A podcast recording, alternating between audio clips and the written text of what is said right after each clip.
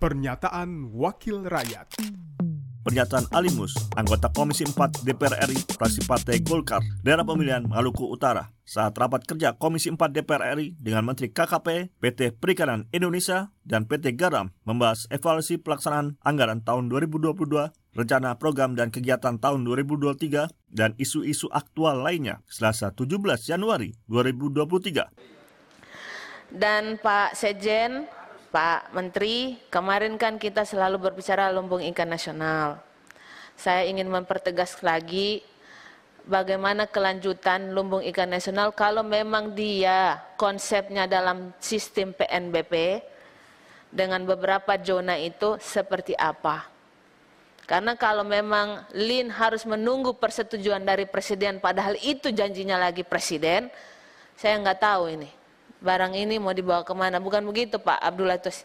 Pak Caca, bukan begitu? Jadi saya mohon kita uh, fokus program kalau seandainya kita mau membantu para nelayan, Pak Menteri, selama ini saya lihat yang nelayan-nelayan Pantura aja yang demo nih. Tapi belum pernah tuh penghasil ikan terbanyak itu daerah timur yang demo-demo.